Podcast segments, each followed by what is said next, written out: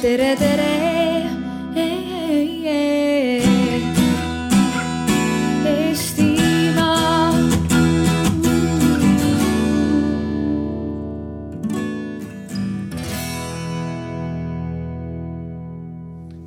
Tere, tere kõigile siis ähm, äh, siia telki, ma loodan, et need, kes ei mahu telki, et, et teie, teile ei, ei äh,, teile vihma palju peale ei saja, aga mulle tundub, et ei kuule ka seal tagapool.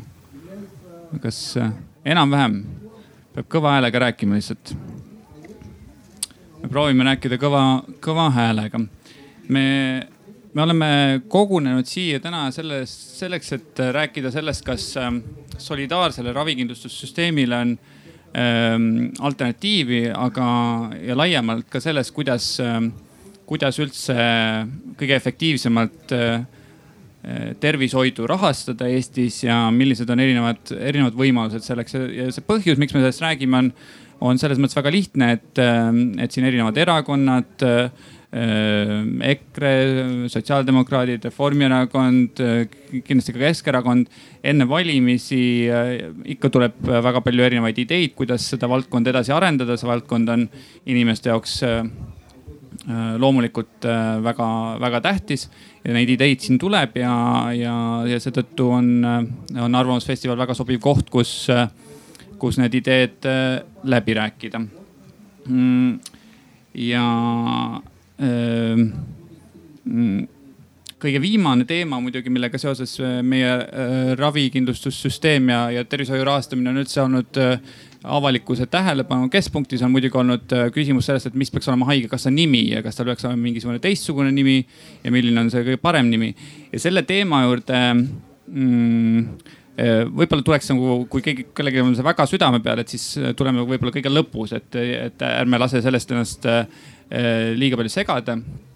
Eestis on ka vanasõna, et, et, et nimi ei riku meest, on ju, ja on veel vanasõna, et, et narri meest, mitte mehe mütsi. et täna me siis, me, me siin võib-olla heas mõttes natuke narrime haigekassat, mitte tema nime aga narrime teda selles mõttes, et arutame selle üle, et, et kas, kas seda võiks kuidagi teistmoodi korraldada.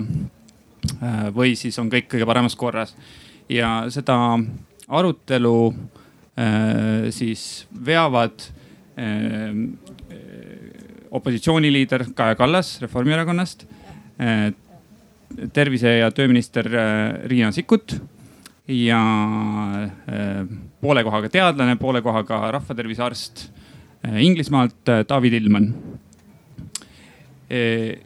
ja enne kui me läheme asja juurde ja ma järjest sõna annan meie panelistidele, paar korralduslikku märkust ka, et, et esimene korralduslik märkus on see, et me seda arutelu siin, seda heli salvestatakse.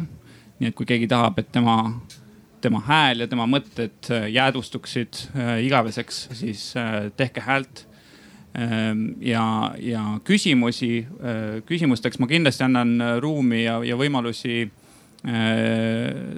nii-öelda debati teises pooles.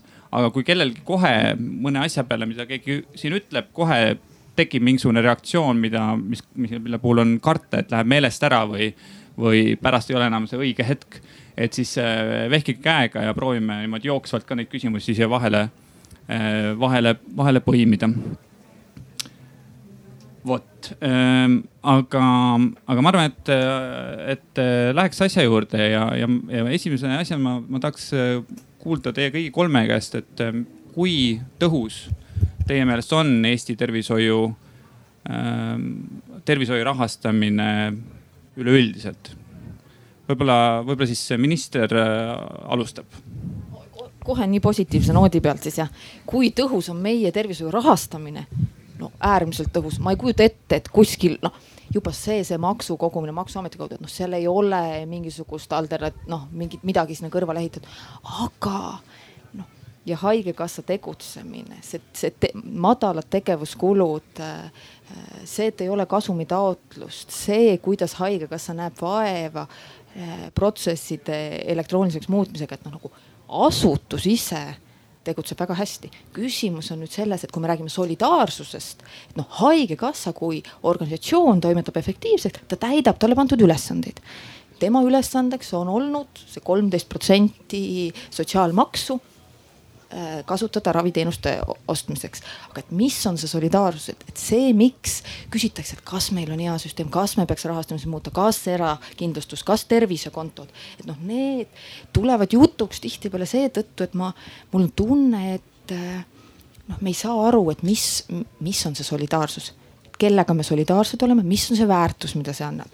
et noh, kui me vaatame ravikindlustust, ta on kindlustus noh, paljudel meil on siin kodukindlustus, kaskokindlustus, maksame kümme aastat, maksame kakskümmend aastat, ei küsi, et et ei olegi ühtegi õnnetust olnud, midagi pole nagu vastu saanud, aga tervishoiu puhul ja ma maksan sotsiaalmaksu ja maksan ja maksan kümme aastat, aga midagi vastu ei saa. saad täpselt samasuguse kaitse saad nagu teiste kindlustusliikide puhul ja kaitse on veel parem, sest tervishoiukulud on väga ebaühtlaselt jaotunud. et kui, siin sadat inimest vist ei ole jah noh, ütleme, et ütleme, et meid on sada. ühe, üks meist kulutab järgmise aasta jooksul ära kolmkümmend protsenti kõigist tervishoiukuludest üks protsent kulutab kolmkümmend protsenti kõigist kuludest. viiskümmend protsenti meist, viiskümmend meist kulutab ära üheksakümmend seitse protsenti kuludest. me oleme need kasusaajad. see viiskümmend inimest meist, kes omavahel jagavad need kolm protsenti kuludest. no neil on tõesti tunne, et maksad, maksad, maksad, midagi vastu ei saa sa saad kaitse sellest, et kui sa oled see üks protsent, need kulud ei jää sinu katta, need ei jää su lähedaste katta. Ja noh, see solidaarsus on see, et see kolm protsenti kasu saav viiskümmend protsenti inimestest või viiskümmend inimest siit on solidaarsed nende ülejäänud viieteistkümnega. ja igaüks meist tunneb siin seltskonnas veel kedagi ja selle inimesega sa oledki solidaarne.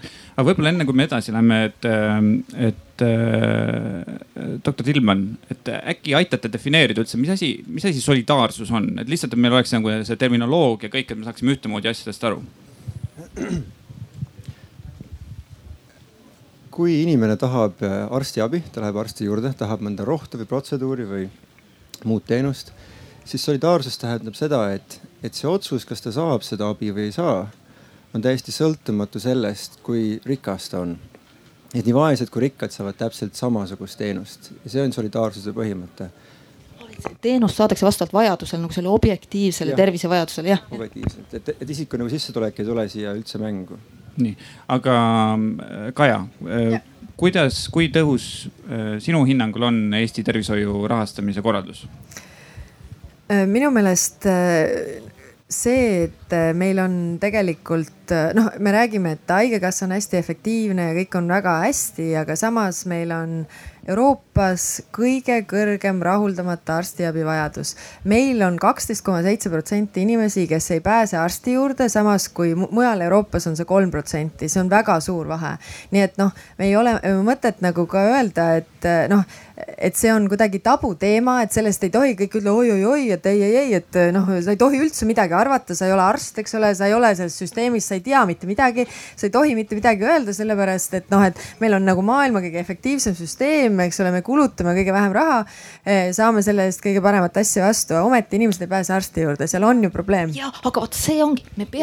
ja, ja ma tahan öelda ka seda veel, et ega meie, ma arvan, mitte keegi Eestis ei vaidle vastu solidaarsusele, ma arvan, et see on nagu ahah, selge äh, et äh, üks inimene vaidleb, äh, aga solidaarse ravikindlustussüsteemile, ma arvan, keegi ei vaidle vastu selles mõttes, et meil on selge ütleme, enamus ei vaidle, olgu, aga. Äh, aga et noh, et, et selles mõttes ähm,, et see, et meil on terved ja haiged ja, ja arusaadavalt tuleb siis terved, kes seda raha ei kuluta ja siis see raha läheb nende heaks, kellel on rohkem abi vaja, aga no me peame vaatama ka äh, kogu siis maailma öö, tendentsidele silma ja ka Eesti, et, et meil on tegelikult needsamad noored ja edukad, kes tegelikult näevad, et nad ei, ei saa võib-olla haigekassast abi siis, kui on suurt abi vaja. see tähendab seda, et noh, et öeldakse, et aga olgu, ma seda haigekassat üldse ei võta. ma võtan erakindlustuse ja kujutad ette, kui nüüd tekib see olukord, et kõik need noored, edukad, terved Äh, hakkavad võtma järjest rohkem seda erakindlustust eraldi, äh, mitte üldse haigekassa süsteemis, et mul ei ole seda vaja. Äh, ma teen oma OÜ, ma sealt pealt seda sotsiaalmaksu ei maksa, eh, sellepärast et eh, see vahe on liiga suur, ütleme, mis töötamise maksustamine ja muu maksustamine on. Eh, ja, ja, ja nüüd meil tekib olukord, et kelle, kelle vahel me siis solidaarsed oleme, kui seal on ainult haiged ja, ja noh, tegelikult need, kes nii-öelda rohkem maksaksid, on sealt süsteemist läinud, seal on aga, ju probleem. noh, noored ja terved ongi need, kellel on odav erakindlustust osta, aga kui see noor ja terve peab ostma kindlustusega oma lastele, oma abikaasale, oma vanematele ja vanavanematele, see on see, kus on on kulud, see on see risk, mida tuleb maandada. ma ei vaidle absoluutselt vastu, ma just räägingi, et aga kui see, kui see probleem on nagu just, seal, et, et tegelikult need noored ja terved ilma lasteta ja. lähevad sealt ära, siis, siis noh no siis on probleem. sinna me tahaks, ma tahaksingi jõuda, et noh, meil on muresid, järjekorrad, teenuste kättesaadavus maapiirkondades, inimeste rahulolu teenustega. Need on asjad, mille üle me peaks arutama, kuidas neid asju lahendada.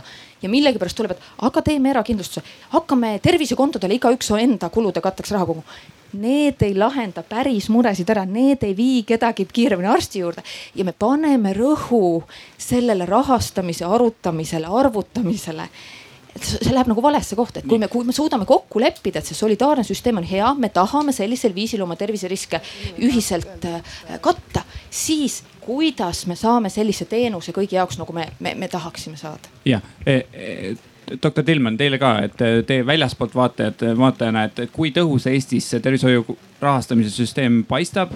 miks need kaksteist koma seitse protsenti inimesi ei saa arsti juurde, kas, kas on põhjust äh, rahuloluks või, või mitte? enne kui ma räägin tõhususest, siis fakt on, et, et Eesti tervis äh, vajab rohkem arengut, meil on arenguruumi päris palju võrreldes naaberriikidega ähm,. meie tervisesüsteem ei tooda seda, mida me ootame, meil on väga palju rahulolematust ja meil on väga palju puudujääke.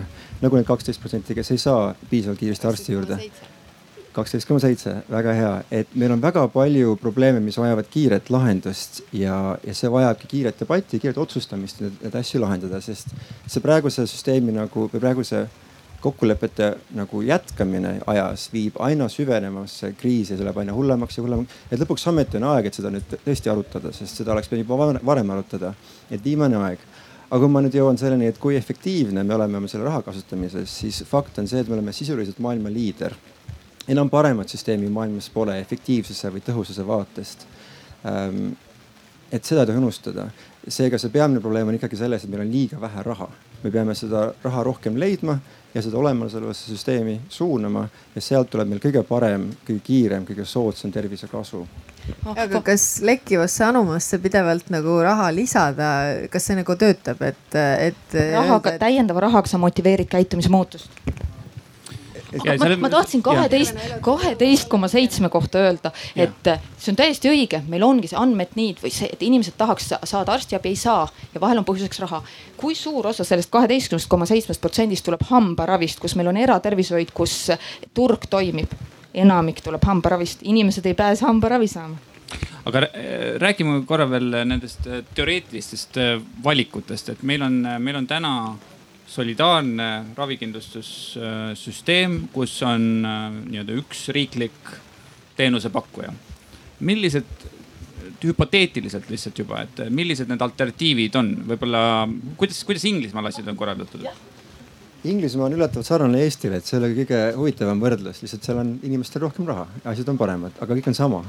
näiteks parem võrdlus võib-olla oleks Ameerikaga Ameerikas on mitte ainult üks tervishoiukindlustusselts, aga seal on neid mitmeid.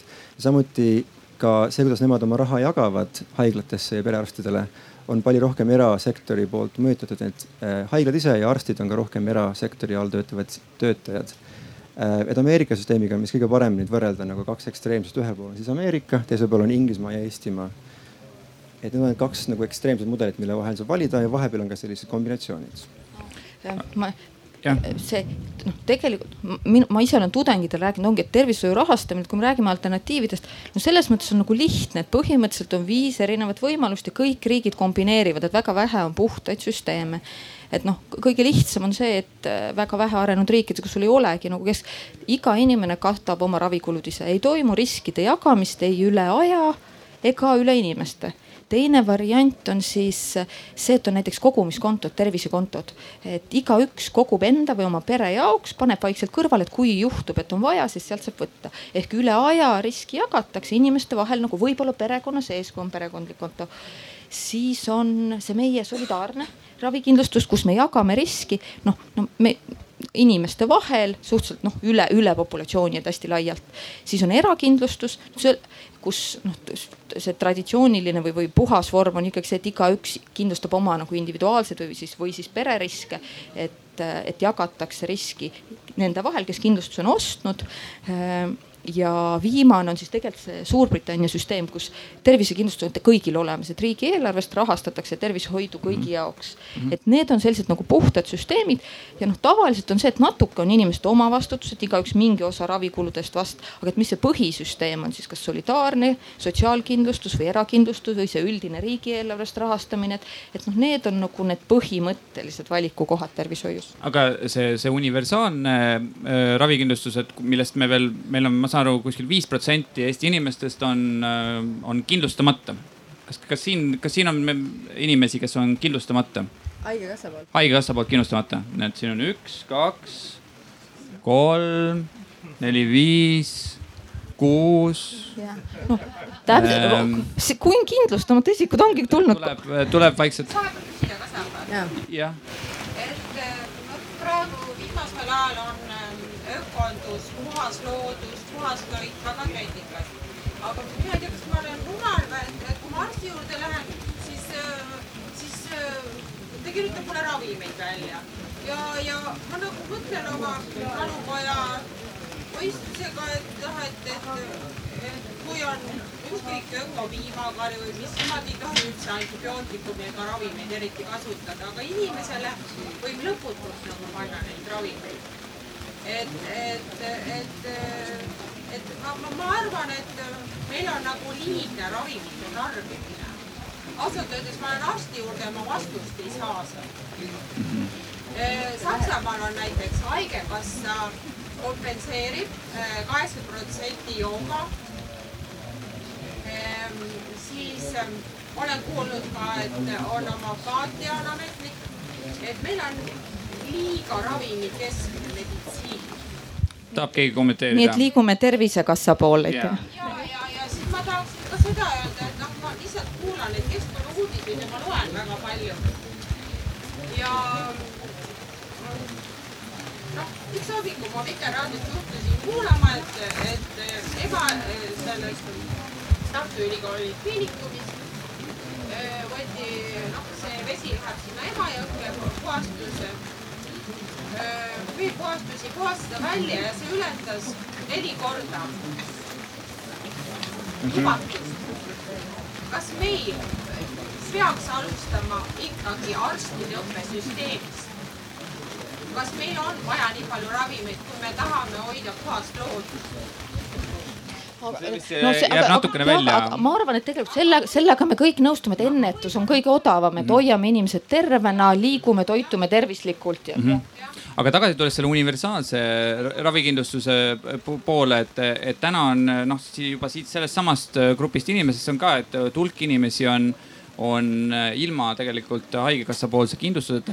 kas see on, äh, kas see on täna probleem, kas see on asi, mille suunas peaks, äh, peaks Eesti riik oma tervishoiu rahastamissüsteemi edasi vaatama? kahtlemata jah, no ma arvan, et siin, siin meil on põhimõtteline erinevus arvamustes, et, et kui või noh, lahendustes, et minu arvates see, et et äh, kõigile inimestele lihtsalt antakse ravikindlustus äh, ja see ei seo-, see ei ole kuidagi seotud siis enam äh, mitte millegagi. see minu meelest ei ole õige tee, selles mõttes, et kui me vaatame noh, kõiki neid asju kogumis, me vaatame maksusüsteemi, maksude laekumist. meil on probleem juba, juba teada ja me näeme neid tendentse, et järjest enam inimesi tegelikult töötavad paindlikult, töötavad erinevate lepingutega ja järjest enam inimesi äh, ikkagi äh, nii-öelda optimeerivad. Ehk kes siis vähegi saab, kuivõrd noh, see vahe, see on natuke nagu aktsiisidega, et, et kui see vahe nii-öelda on suurem kui kakskümmend protsenti ja kui me mõtleme selle peale, et, et ütleme äh, töötamise pealt sa pead maksma äh, töötuskindlustuse, sa pead maksma sotsiaalmaksu ja siis sa pead maksma äh, tulumaksu, samas kui noh, mis tahes muu tulu pealt sa maksad ainult tulumaksu, see vahe on väga erinev. Ja nüüd kui, kui, kui see töötamise uus reaalsus on see, et järjest enam meist töötavad arvutiga äh, omaette Äh, tegelikult äh, nad ei vaja seda tööandja poolset kontrolli ja, ja tekib täpselt see olukord, et, et järjest enam inimesed ütlevad, et aga, et milleks, et äh, ma teen selle OÜ, ma osutan seda teenust ja, ja kui nüüd sellest sotsiaalmaksust ei sõltu enam mitte midagi, et ma ei saa ka seda haigekassat, siis sellisel juhul noh, miks ma peaksin seda tegema? töötamise uue reaalsusena ekspert seal tahab midagi vahele öelda ei, ei.. kas see ah,, nii, aitäh, mina olen Johanna Vallistu Arenguseire Keskusest. mul on selline küsimus, et äh, jah, kui on äh, äh, võimaluste paljusus ja üha rohkem inimesi ütleb, et mul on võimalik teha tööd nii, et mul ei ole tööandjat, kes ütleb mulle, et ma pean olema osa sellest sotsiaalkaitsesüsteemist ja tervishoiusüsteemist. aga äh, mulle tundub, et see reaalsus kohati on ka see, et siis selle asemel, et öelda, et ma maksan seda erakindlustust. Nad opt-out ivad täielikult noored mehed loodavad sellele, et nad sõidavad eh, Uberit ja Taxify'd ja hoiavad noh, selle süsteemi kaudu nagu maksudest kõrvale, aga nad ei loo endale tegelikult seda tagatist ise. et, et see võib-olla oleks nagu üks argument sellise noh, kõikidele tagatud eh, tervishoiusüsteemi ja, ja aga ma tahtsin võib-olla lõpetada selle mõtte, et, et kui meil juba noh, meil pension ei sõltu enam sellest ja meil ei sõltu mitte midagi enam sellest, siis noh, eh, ütleme, mina usun väga palju sellisesse positiivse motivatsiooni, et nagu mitte see, et sa karistad kedagi, sa ei maksa neid makse, eks ole, sul lendab maksuamet peale ja, ja karistab, trahvib või ma ei tea, paneb sind vangi, eh, vaid, vaid see, et sul on positiivne motivatsioon, et näed, et ma maksan seda Äh, siis äh, ma saan, eks ole, vastu, eks ole, haigekassa äh, ja, ja noh, mul on nagu mingi motivatsioon seda hoida. niipea kui see motivatsioon kaob ära, seda rohkem tekib seda, et aga milleks mulle tegelikult see ja jällegi me oleme selles olukorras, kus seda teevad tegelikult need, kelle peale me seda solidaarsust tahame ehitada. nii et noh, selles mõttes sellele tuleb igal juhul nagu mõelda. selles samas võib olla ka nagu noh, üleüldine majanduslik motivatsioon, sest äh, läbi, läbi selle, kui anda nendele viiele protsendile haigekassa, me võib-olla nii-öelda äh, võima-, me, me saame monitoorida inimesi Äh, ja jõuame nende abivajajateni enne seda, kui nad jõuavad EMO-sse, eks ole, et ja, ja, ja kus see sekkumine on märksa kallim. sest erakorralised kulud või vältimatu abi me tegelikult katame kõigile, ka ravikindlustuste isikutele, et see on mm -hmm. kuidagi nagu kokkulepe olnud. aga noh, see ravikindlustustamata isikute küsimus, mina arvan, et see on mure, et noh, kuus protsenti on ilma ravikindlustuseta, aga tegelikult üksteist protsenti on neid, kellel see on nagu hüplik, et need kuud, kus neil sissetulek on või kui nad maksavad rohkem kui sotsmaksu miinimum praegu, et siis nad saavad, järgmisel kuul mitte, et see, see hüplik hüplikkus on ka nagu mure.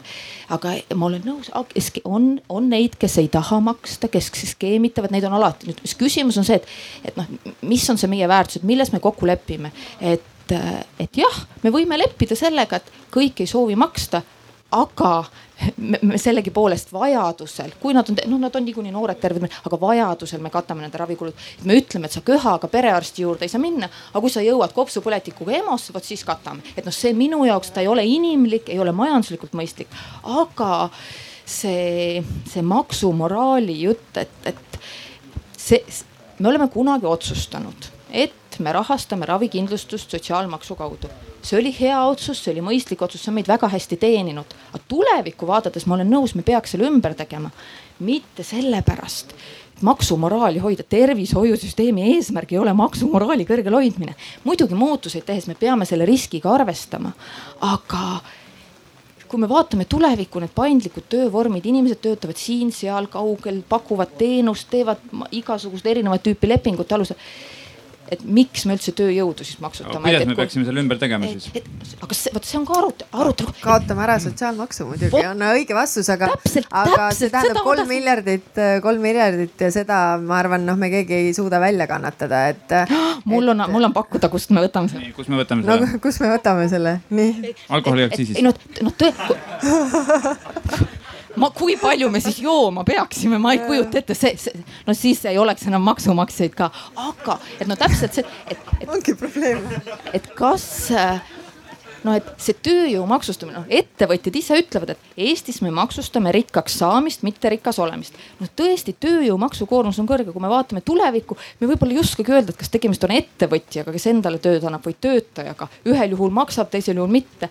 et noh võib-olla meil ei olegi vaja seda eristust teha, lase, langetamegi tööjõumaksud madalama, hakkame siis maksustama jõukust, et kui sa oled oma panuse andnud, sa oled vaeva ära näinud, sa oled saanud tasuta tervishoiu, hariduse, kõik asjad siin, et noh, võib-olla siis annad tagasi. et siis rohkem nii-öelda kinnisvara, kinnisvaramaksud, kapitalimaksud, automaksud, jah okei. Okay., aga eh, noh, ma, ma mäletan ka, et ma tegin kunagi selle arvutuse enda puhul, et eh, ma mõtlesin, et kui ma nüüd eh, töötamise asemel osutaksin teenust ja mul oleks OÜ ja ma ei maksaks endale palka ja ma maksaks endale pigem dividende. et siia võtaksin selle äh, ravikindlustuse Äh, kuskilt Ergost või nii-öelda erapakkujast, et ma juba noh, teatud sissetulekust alates see hakkab juba tunduma nagu väga loogiline. su vanavanemad vanavanemad ja lapsed olid ka seal paketis, kelle eest sul on mõistlik maksta või? Äh, nemad, nende puhul ma loodaks edasi riigi peale, onju, aga, aga aga, aga arutame korra seda. ära, ära muretse, riik aitab. aitäh, aitäh, et aga, aga, aga käime korra, me oleme rääkinud universaalsest, me oleme rääkinud solidaarsest, et mis on see, kuidas või kas üldse era, eraravikindlustus võib toimida, kas ta kuskil maailmas üldse toimib, doktor Tilman? kaks dimensiooni, üks on see kindlustuspool, kas üks või kaks või kolm firmat, kes pakuvad kindlustusteenust. Ja teine on siis need, need rahasaajad, haiglad ja perearstikeskused et ähm, kui see ülemine kiht on erakätes, siis on asjad alati väga ebaõiglased ja halvad. Ähm, et seda soovitatakse siis vältida. kui see alumine kiht on osaliselt erakätes, siis asjad on tihtipeale natukene halvad.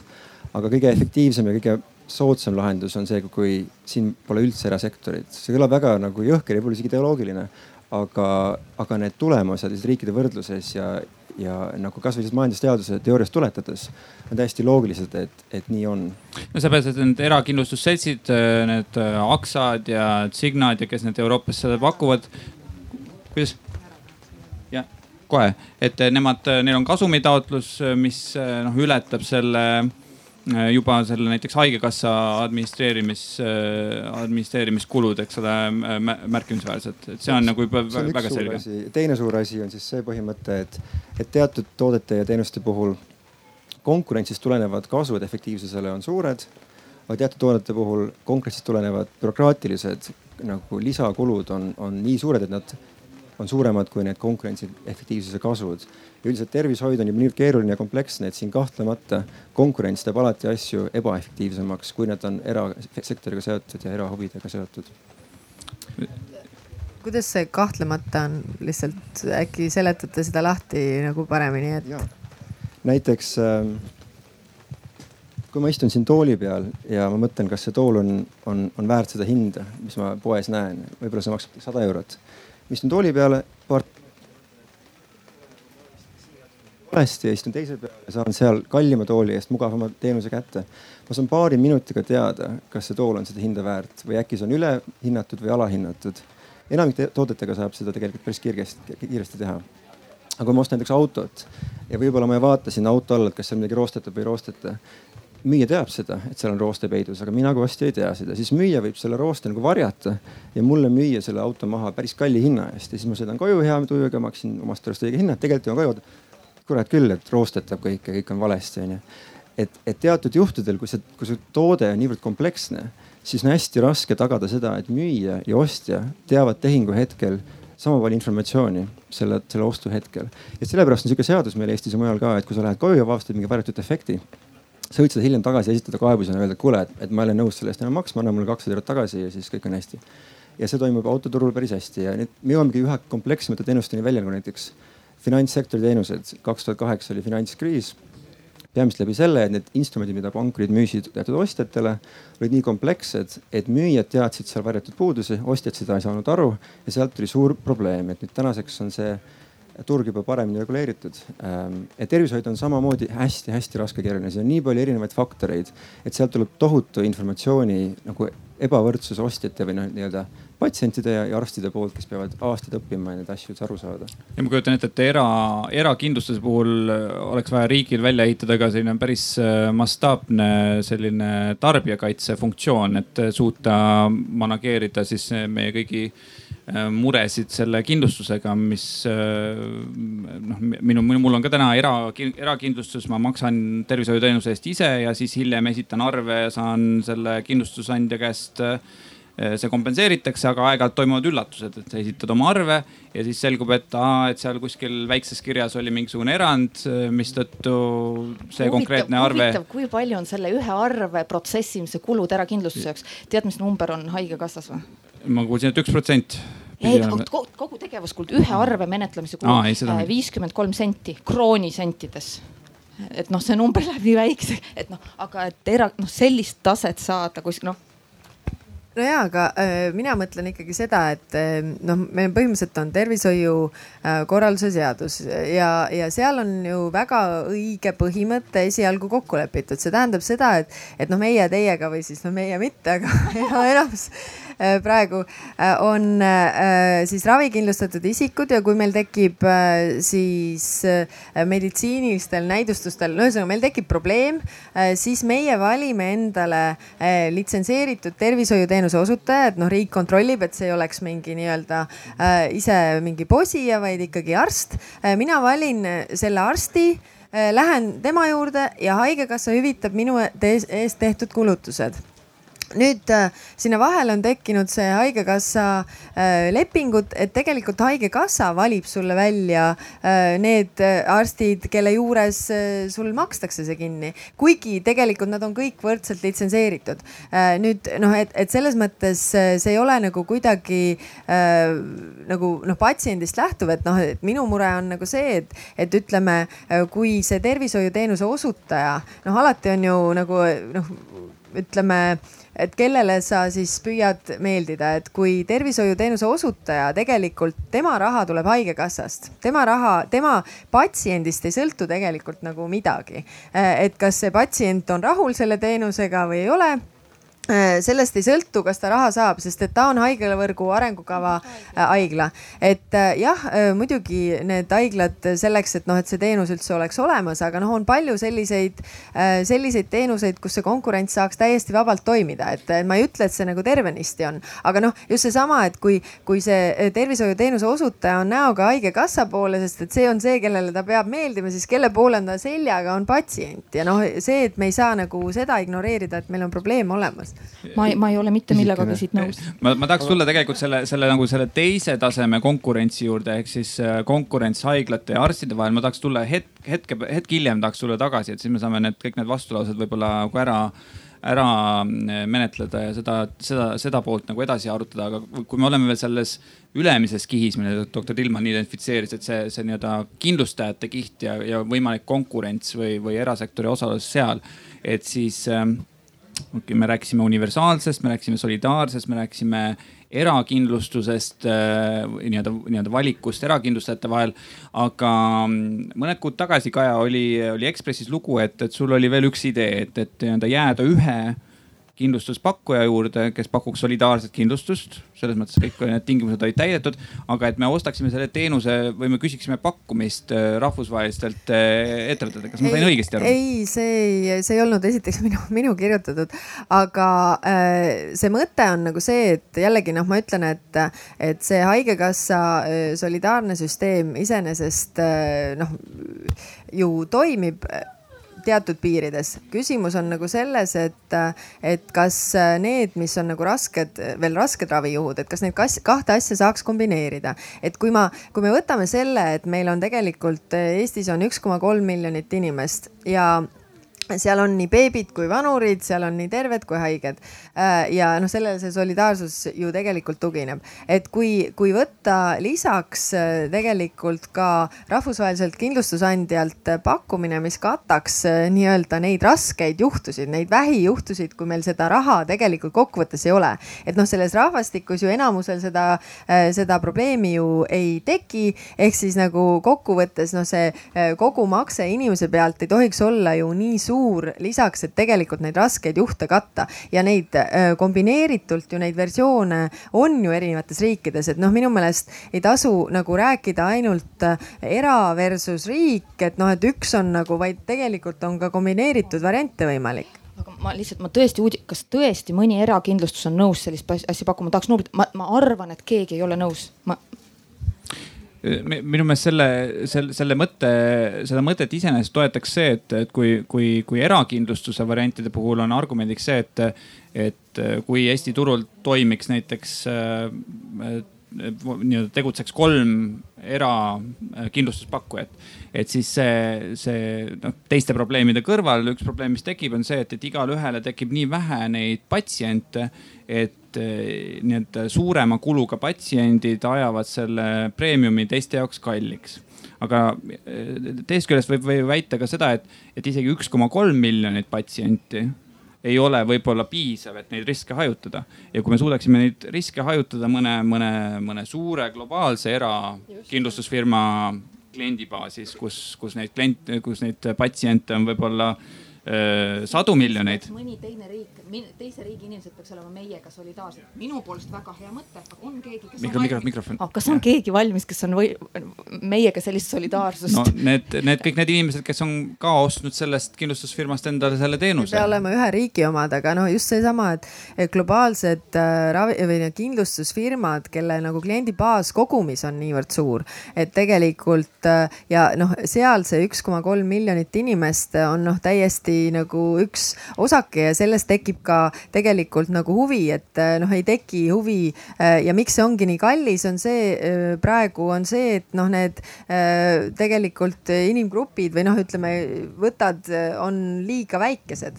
aga, aga kui see on üks koma kolm, siis see on juba arvestatav tegelikult ja nüüd, kui riik tellib seda, mitte et iga inimene tellib, vaid riik tellib, siis, siis nagu kui suur see lisamakse per inimene per aasta tegelikult nagu tuleks ja, ja noh, tegelikult äh, ma veel ootan äh, neid pakkumisi, ma nagu küsisin ka, aga nad, vaata, see ongi jällegi see, et nad nagu, et Nii nagu. esmakordne. ja, ja, aga põhimõtteliselt, põhimõtteliselt ega, ega noh, ei saa öelda, et, et mulle öeldi kohe, et ei, et noh, mitte mingil juhul. et noh, et selles mõttes noh minu meelest no,. raha tuleb vastu võtta. ei, mina näen lihtsalt kahte võimalust, et noh, ühelt poolt, kui me tahame seda, et ütleme, et erakindlustus vastutab, majandab, hakkab juhtima ja me usume, et ta teeb seda tõhusamalt kui me ise. me peame temale vastutuse andma, aga siis me riigina oma tervishoiusüsteemi ei juhi. teine variant on see, et me ütleme, et me võtame kindlustuse, aga me ikkagi reguleerime. aga siis me jõuame selleni, noh nagu kas Hollandis on, no seal on suurem, noh inimesi kümme vist midagi miljonit, et noh, seal on paar konkureerivat suurt erakindlustuspakkujat aga kui riik tahab seda turgu tegelikult juhtida, tahab saada oma jaoks, see nuditakse nii ära. Neil on, mida sa pead, mida peab kindlustus katma, millised maksed, kas sa võid eh, inimese oma riskide alusel diferentseerida, ei või. ja siis tulemus on see, et kõik müüvad oma paketid, saavad oma kliendid riik vaatab, ahah, sul on riskantsemad patsiendid, sul on vähem, tõstame eh, siit vähem nendelt raha, et ta jagab isegi riske nende erakindlustuste vahel ta nutib erakindlustuse nii ära, et seal ei jää enam era järgi, ta on põhimõtteliselt riiklik. et noh, nüüd on küsimus, kas me anname oma tervishoiu juhtimise ära kellelegi teisele, kes ei ole Eestis, jah jah, ja, ja, ja, et ja kas me oleme siis sellega rahul ja lepime, et nemad teevad mm. raviotsust, nemad ütlevad, et me nüüd seda enam ei kata, tegelege sellega ise. ja kui me tahame seda juhtida, mis on see võit, mille, mida me saame eraasutuse kaasamisest, kellel on kasumitaotlus. kui ta teeb kõike samamoodi kui haigekassa, kasumitaotluse võrra on ta vähemalt kallim ja siis see ravikindlustuse pakkuja hakkab otsustama, palju Eestis äh, arstide ja õdede palk on ka, eks ole. aga Tilman. ma tahtsin natuke veel Kaja käest küsida täpsustust, et see isegi äh,, ma pole täpselt aru saanud ettepanekust ja võib-olla ta on veel, võtab aega, et vormida, aga, aga on võimalik, et siin võib-olla isegi mõni nurk on, mis, mis pole kõige hullem, aga valdav osa sellest äh, valdav osa sellest jätab noh mulle, kui ma üritan olla objektiivne, aga, aga kui aus olla, kui ma esimest korda seda juttu lugesin, õnneks polnud vist teie poolt kirjutatud siis ma mõtlesin küll, et, et noh, kui aus olla, ma pole kunagi Eestis varem ühtegi ettepanekut kuulnud Eesti tervise kohta, mis on nii nagu halb, et noh, see on tõesti nii kohutavalt halb Eesti tervisele, et, et issand jumal küll, kust see küll, kelle pähe see tuli, kuidas see jõudis kohale. aga kas ma saan õigesti aru, et mõte on, et see kindlustusselts pakub siis äh, lisakindlustust ja hüvitist kõikidele eestlastele või ainult osadele eestlastele, et mis pidi see? aga, aga vabandust, pole, kas me pakume seda uut asja kõikidele või osadele eestlastele?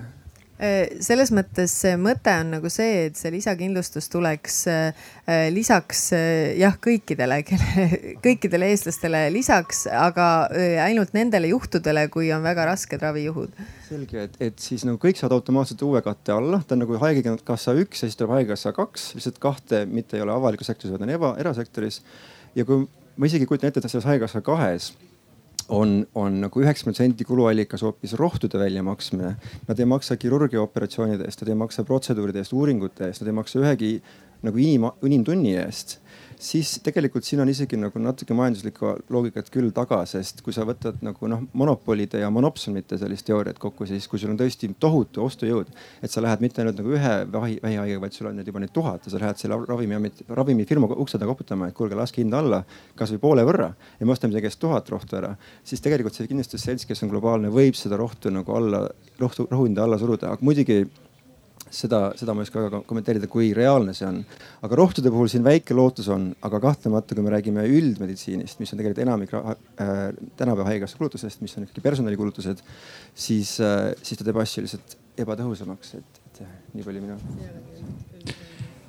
okei okay,, aga, aga kui korra, korra nagu astuda samm tagasi ja vaadata suuremat pilti, et siis ähm, äh, kogu see arutelu on tegelikult ju aru, alguse saanud sellest tundest või teadmisest, et äh, et, äh, et see teenus, mida me saame läbi, läbi haigekassa või läbi üldse Eesti tervishoiusüsteemi. et see, et see teenus võiks olla alati ju parem, eks ole, et ta võiks, ma ei tea, kas, kas, kas kellelgi siin on olnud äh, juhtumeid, kus ta ei ole saanud haigekassa kaudu sellist tervishoiusüsteemi, tervishoiuteenust, nagu ta, nagu ta oleks tahtnud. on olnud, väga, väga paljudel on olnud juhtumid kas, kas keegi tahab tuua mõne näite, et kas on, kas on olnud lihtsalt, et on pikk järjekord olnud? jah, palun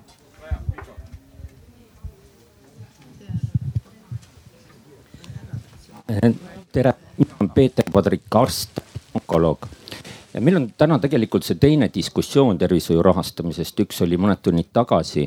ja minu arust nagu mõlemal sellel diskussioonil arutatakse natukene noh, mitte neid olemuslikke teemasid.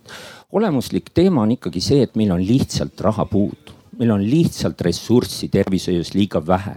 et ükskõik kus noh, seal oli arutelu, et kas teeme e-registratuure, korraldame tervishoidu ümber, eks ole. et, et kuidagi lisaressursse, praegu me arutame seda, et kas teha nüüd kindlustust nii või naa või korraldada tervishoidu nii, naa, see ei muuda asja. tegelikult ongi põhiline debatt on selles, et kuidas muuta rahastamisallikaid, tulubaasi, kuidas seda muuta. meil on äh, meil on, eks ole, meil on äh, SKP-st äh, seitsekümmend neli protsenti Eesti paneb vähem kui Euroopa Liidu keskmine, eks ole, tervishoiduraha. ja siis me arutame nagu Hollandi või mingi noh mudeleid, mis äh, meil on lihtsalt see vahe puudu rahas, eks ole, ja tegelikult tuleks arutada seda, et kuidas need ressursid saada juurde ja no ma ütlen nende näidete kohta, et mina tegelen, me tegelikult peame ütlema niimoodi, et et kindlasti on vaja muidugi solidaarset tervishoidu, eks ole, aga me reaalselt peame ütlema praegu, et sol solidaarne tervishoid on meil Eestis teatud piirini. See tegelikult lõpeb. mina tegelen iga päev nende haigetega, noh, kui me näiteid otsime, eks ole, kelle jaoks tegelikult Eesti solidaarne tervishoid on otsa saanud, need ongi näiteks need vähihaiged, eks ole, kes vajavad teistsugust ravi, mida meil ei ole ja mille jaoks on lihtsalt vaja ressursse ja noh, see siin Taavi spekulatsioon, et see, et keegi hakkab nagu ostma niimoodi ravimeid, see tegelikult ei tööta, kuna seal on omad loogikad, seal on see reeksport üle riigipiiride ja see ravimiturg on väga selline jäik, et seal nagu üle-euroopalist mingit sellist saavutada, see eeldab suuremaid noh, selliseid poliitilisi muutusi. aga aitäh aitäh ja me, me, meil kindlasti on kavas tulla selle küsimuse juurde, et, et kas raha, kas raha on vähe ja, ja, ja selles osas oli see seisukoht väga selge. ja kuidas, kuidas siis seda lisaraha sellesse süsteemi leida, et me tuleme kindlasti selle juurde ka. enne veel ma tahaks arutada seda, et, et, et kui, kui võttes olemasolev rahapott, et mida oleks võimalik teha, et selle sees seda, sellest raha eest saadavat tulemust nüüd parandada. et äh, kui, kui me nüüd jätame kõrvale selle, et kas meil on haigekassa või meil on erakindlustus või on meil, või on meil äh, erahaigekassa või on meil universaalne või, või solidaarne. et jättes see kõrvale, et kui me võtame selle kolmteist protsenti sotsiaalmaksu, mis meil on, millega laias laastus see, see, see eelarve piirdub. Mm, mida milliseid samme saaks ja oleks vajalik teha, et, et selle süsteemi sees rahakasutusest võtta maksimum välja? doktor Tillmann. Natukene vähem suurhaiglaid, natuke rohkem perearstikeskusi, et see liikumine juba tuleb ja seda peab toetama, eriti kuna meil on suur demograafiline kriis perearstide vanusega. Äh, siis teiseks tegelikult minu enda isiklik nagu pisike kogemus oma tuttavate kaudu on see, et, et, et isegi kui need arstid teevad täpselt sama tööd, samad rohud, samad asjad, aga meil minu meelest on palju vajaka äh, ka seda arstioskust, et arst vaatab silma äh,, empatiseerib, tunnetab ära emotsiooni ja, ja vastandab seda ja seletab läbi, mis toimub ja mis on vaja teha, nii et patsient nagu saab täiesti aru, mis toimub ja ta lahkub nagu süda nagu noh, kergemana, et, et midagi, midagi inimlikku toimus, et see oli nagu kahe inimese vaheline hetk, mitte ainult selline rohtude kirjutamise mehhanistlik tehing et, et ma ise näen küll seda Eesti ja Inglismaa nagu suhtlemist on nagu öö ja päev tegelikult, aga selle jaoks ei ole vaja raha, selle jaoks on vaja lihtsalt tegeleda õpetusega ja, ja treeninguga. aga selle, selle all, et vähem suurhaiglaid ja, ja rohkem äh, perearstikeskusi, et, et selle põhjuseks on see, et, et oleks vaja rohkem seda esmatasandi arstiabi, kes tegeleks ka ennetusega äh, või, või mis, mis see põhjus on? et ähm, et noh, tegelikult seda saaks näha nagu kolme pidi, et sul on nagu lõpus on, on no ütleme siis surm väga kallid asjad, tipphaiglad, enne seda on väiksemad haiglad, siis tulevad perearstikeskused ja enne seda on nagu päris ennetus, mida saab ka teha veel erinevates kihtideks, et, et ennetus, mis on nagu personaalne, et sa ütled inimesele, kuule, et võta kaalust alla, kuule, söö seda. Aga siis on ka nagu rahvapõhine ennetus, mis on see, et, et maksustame suhkrut või loome rohkem jalgrattateesid tasuta inimestele, et saavad seda automaatselt teha, et see on see ennetuse spektrum on ka meil vaja rohkem teha kahtlemata aga pigem ma mõtlesin just seda, et, et isegi perearstid võiksid juba tegeleda sümptomaatiliste inimestega natukene efektiivsemalt, kui neil on seda ressurssi ja pädevust, mida mõnes riigis osatakse ka neile loovutada, sest tihtipeale meie tippspetsialistid haiglates oma erialaliselt tegelevad võrdlemisi kergete juhtudega, mida ka perearst võiks teoreetiliselt lahendada või muu selline perearstikeskus ja töötab nagu füsioteraapiast ja muud. tegelikult jah, et võib-olla see jah, et perearstid peaksid ju olema need nii-öelda need väravahoidjad, kes, kes suunavad noh, eriarstide juurde. Ja, ja noh, kui palju on tegelikult sellel eriarsti eh, või saatekirjal see, et patsient soovis, et noh, et tegelikult nagu tal ei ole ju neid näidustusi, aga patsient soovis ja, ja siis ikkagi, et noh, et perearst peaks tegelikult selle probleemi eh, ja noh, kui lõpuks eriarst jõuab sellesama, eh, sama probleemini, noh eh, see tegelikult ega see noh, digiregistratuur on ju ka tegelikult üks variant äh, selles, et noh, ma ei saa aru, miks seda e-riigis ikkagi ei ole, et, et noh, neid ravijärjekordasid ikkagi vähendada, et noh, tõepoolest, et, et sul on nagu, et sa võtad, ma tahan, ma ei tea, ortopeedi aega, ta annab sulle, et sa saad, see aeg on, äh, sul on võimalik valida, ma ei tea, Kuressaare äh, või, või Tallinn või kuskil ja ma valin selle ja see aeg on läinud, et siis minu isikukood on seal ja ma ei saa panna viite erinevat aega kuhugi, mis omakorda jällegi äh, siis äh, vähendab seda, seda ligipääsetavust ja, ja noh, muidugi äh, üks huvitav aspekt on see äh, ja ma lihtsalt ma ei ole seda ise kuidagi kontrollinud, aga mul oli üks ähm, kohtumine Eesti Riskikapitalistide Assotsiatsiooniga ja nemad ütlesid niimoodi, et äh, nemad võivad võtta välja, et noh, nemad noh, väga selgelt ju jälgivad seda, et kes, kus, mida teenib ja ütlesid, et Eestis nemad näevad väga selgelt, et kes nagu äh, meditsiinisüsteemist kõige rohkem teenivad, on, on sellised ühe-kahe inimese firmad, kes tegelikult vahendavad mingit meditsiiniseadet. Nende kasum on meeletu, äh, sinna läheb haigekassa raha et noh, et kas see peaks nii olema tegelikult, kui, kui nagu, et kas seda saaks teha nagu äh, siis selliselt, et noh, teie ütlete, et seal ei ole nagu mingit probleemi äh,. mul noh, ma lihtsalt tuginen sellele, mis, mis nemad äh, Äh, ütlesid, et kas see nii on või ei ole, aga et, et raha nagu läheb ka sinna, noh ja siis, siis üks teema kindlasti, millest noh, arstid palju räägivad, on see, et ikkagi äh, tehakse päris palju äh, noh, uuringuid, mis on juba tehtud, et topeltuuringud ja, ja kui raha siis sealt tuleb jällegi noh, nagu ütleme Äh, jällegi seesama, mis ma ütlesin, et tervishoiuteenuse osutaja soovib meeldida haigekassale, see on see koht, kust tal raha tuleb, siis, siis see on see, et no aasta lõpus peaks selle raha ära kulutama, et selle uue raha saada. Äh, siis, siis tegelikult, et tehakse uuringuid, mida inimestel tegelikult ei ole vaja. ja, ja noh, üks teema, suur teema on täpselt seesama ennetus, et kui palju meie, meie kogu see tervishoiusüsteem on suunatud eelkõige nagu ravimisele, kui palju on võimalik tegelikult noh noh ennetusega tegeleda, et, et kui palju noh jällegi, kui me oleme selline e-riik ja meil on tegelikult andmed, et et noh, see kõik ju peaks liikuma sinna ja meie oleme väikesed, me oleme paindlikud, me saame teha asju, mida suured riigid ei saa. et, et sul on need andmed inimeste kohta, et tõepoolest, ma ei tea, mõne aasta pärast sul tekib see, et, et sulle tuleb SMS, et ma ei tea, et et äh, härra see ja see, et palun minge kolme tunni jooksul haiglasse, sest et me näeme, et te saate nagu südamerabanduse või noh, mis iganes. et noh, et, et sa nagu suudad selle nagu ära hoida, et sulle ei meeldi see SMS, et sa sellise sõnumi saad, aga see päästab sinu elu. ja, ja noh, selle ennetusega seoses on jällegi see perearstide süsteem see, et, et äh, kui palju peaks olema nii-öelda selline nii-öelda tehnoülevaatus iga aasta, et noh, me tegelikult nagu tabame neid asju varem, et me saame neile äh, siis varem jaole ja, ja saame neid asju ära hoida, mitte siis, kui need on juba kallid. Ja, ja noh no täpselt ka see näide, et ma lähen sinna perearsti juurde, ma ei tea, mul on mingi väga äh, raske, ma ei tea, silmapõletik äh,, siis öeldakse, et vot eriarstile sa pääsed, ma ei tea, kahe kuu pärast. nüüd äh, kahe kuu pärast, kui ma pääsen sinna, siis mul on nüüd valik ja, ja kui see jutt on noh, mulle tahetakse kogu aeg külge kleepida seda, et näed, et ainult jõukatele, siis tegelikult praegune süsteem ju on soodsam jõukatele selles mõttes, et, et perearst ütleb sulle pead minema sinna arsti juurde, eriarst ähm,. ajad on väga pikk ütleme kaks-kolm kuud on, on siis ooteaeg. nüüd äh, sul on nagu mitu varianti. Äh, variant üks, äh, sa lähed eri, maksad Äh, siis lähed eraarsti juurde, seesama arst, kes võtab eras äh, vastu, sa maksad ja sinna saavad loomulikult need, kellel on see raha, et seda maksta. ja, ja sa maksad ja tihti näiteks ju on ka see, et kui sa oled maksnud, siis tema organiseerib sulle selle operatsiooni aja näiteks, ehk siis need, kes siis seal erasüsteemis maksavad, saavad selle operatsiooni aja. nüüd variant kaks on see, et, et sa ootad selle aja ära ja võib-olla äh, või tähendab variant kaks, mida palju tehakse, on see, et sa lähed EMO-sse. tegelikult Äh, kui, kui need numbrid ütlevad ju seda, et tegelikult vist kuuskümmend viis protsenti juhtudest, mis lähevad EMO-sse, ei peaks tegelikult, peaks olema lahendatud perearstiga. ja, ja nüüd variant kolm mis on ka, see EMO on jällegi kallis. Äh, ja variant kolm on see, et sa ootad oma eriarsti aja ära, ootad selle kaks kuud ära.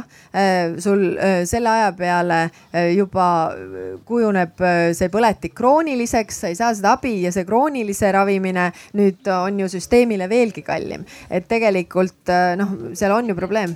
aga kuidas me saame teha niimoodi, et, et perearstid teeniksid tulu vastavalt sellele, kui terve nende nimistu püsib, ehk siis mm. kui, et tervishoiusüsteemi osa, osapooled, et nad ei teeniks tulu selle pealt, et mida vähem patsiendid mu juures käivad, seda rohkem ma teenin.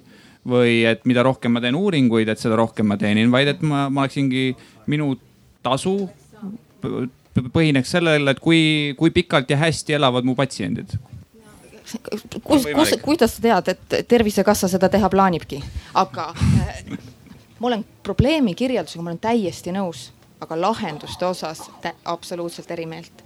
et jaa, meil on asju, mida saab äh, süsteemis paremaks muuta, me saame asju teha tõhusamalt. et äh, aga need ei ole, ükski ei ole ei järjekordade osas või, või personaalsema meditsiini need ei ole lihtsad lahendused, aga noh, me peame järjepidevalt sinna liikuma. näiteks järjekorrad, et mul on nõust absoluutselt piinlik, et meil ei ole digiregistratuuri, no uskumatu lugu. et ja noh, lisaks sellele, et seal tuleb see läbipaistvus, noh, ma arvan, et see järjekordade võitse. miks meil ei ole E-riik oleme, et ja. miks meil ei ole? haiglad ei taha. et see on, on palju erinevaid huvisid seal taga ja, aga selle digiregistratuuri, noh tegelikult see arst on näinud seda patsienti, tema on andnud talle saatekirja, ta teab kas tegemist on inimesega, kellel on silmapõletik ja tal on vaja homme seda aega saada?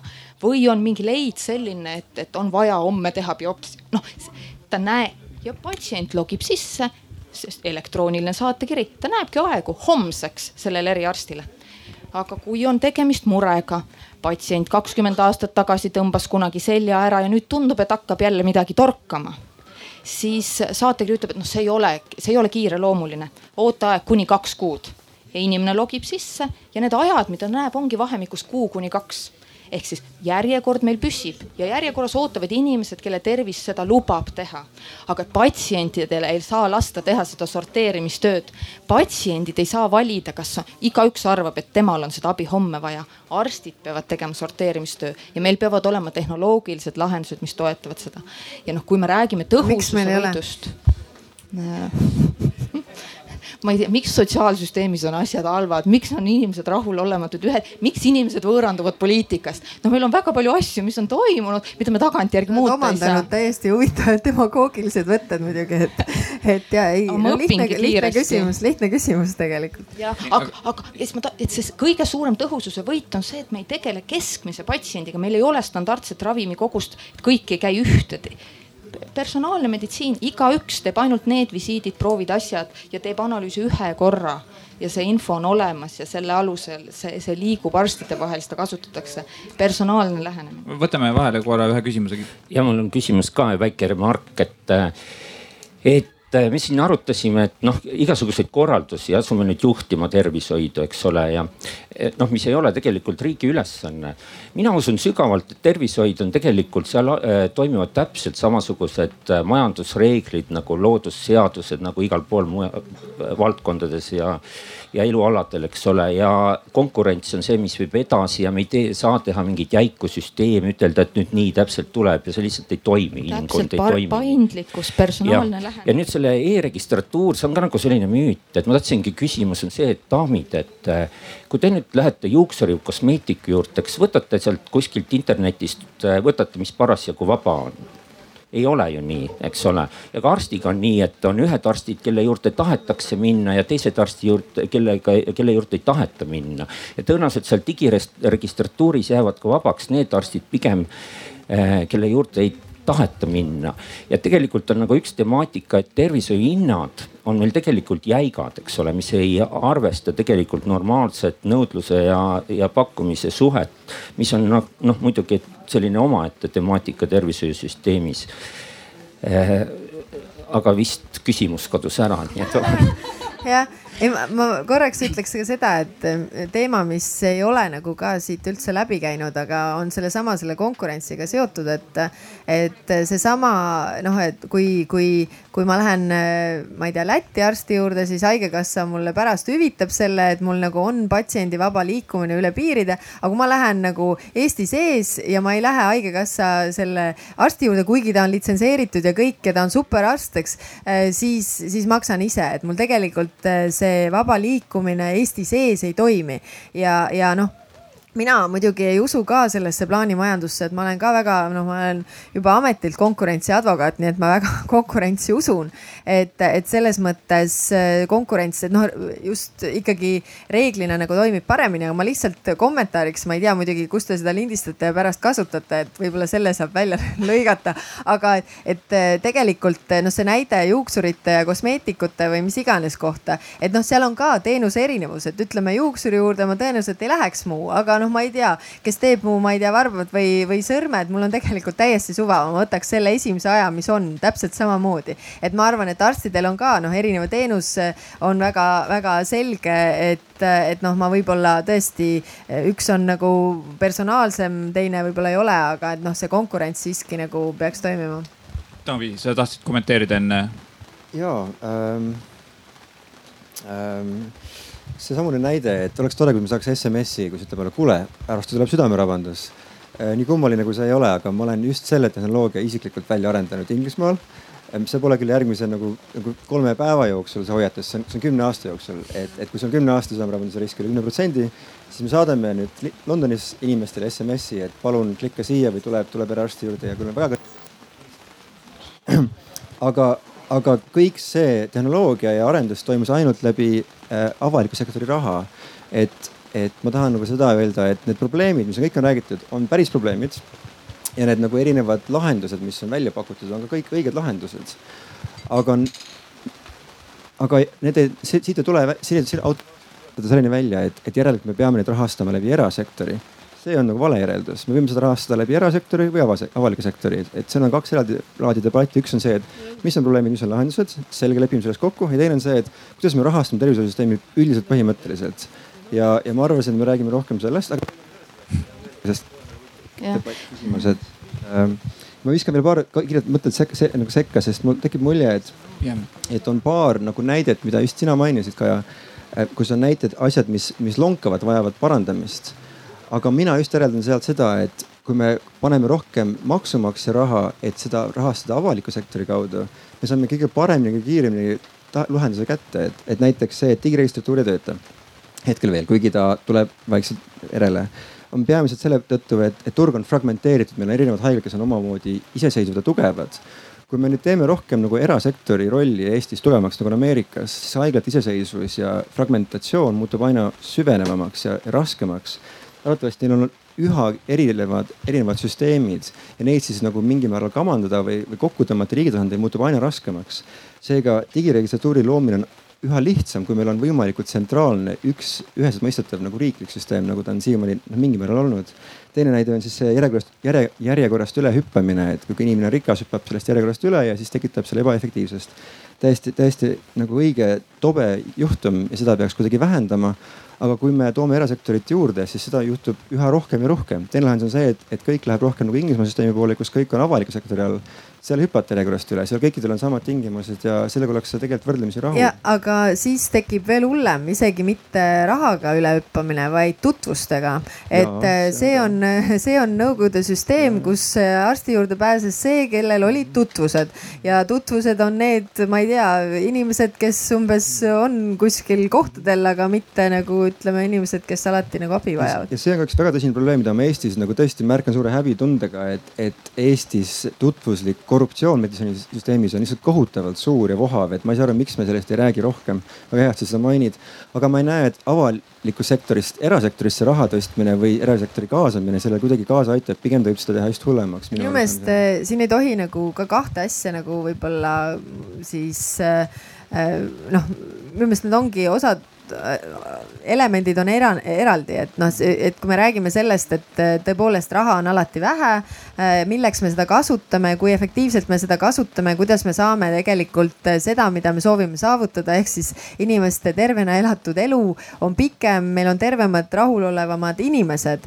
ja, ja et kuidas me seda olemasolevas süsteemis kasutame, teine teema on see, kuidas me siis süsteemi nagu rahastame, rahastame, et, et ma arvan, et noh, me peame rääkima nendest asjadest iseenesest nagu koos, aga need ei ole nagu omavahel selles mõttes äh, otseselt äh, seotud. ma vahepeal ütlen, et kui kellelgi on äh, väga märg, siis siia ette mahub, ma arvan, kaks-kolm inimest veel kükitama, et siin on, siin on kuivem kui keegi, kui keegi tahab. ma ühe uue nurga lisaksin sellele, et, et raha käib patsiendiga kaasas. see, see tundub, see atraktiivne mõte, muidugi laseme patsiendil valida. aga et noh, kõik need asjad me, me peame panema nagu Eesti konteksti ja saama aru, et mis on see valik, millest me räägime ma ei, ma ei tea, doktor Patrik, kas on samasuguste pädevustega teist arsti Eestis veel onkoloogide seas? palju neid on? ühekohaline number jah?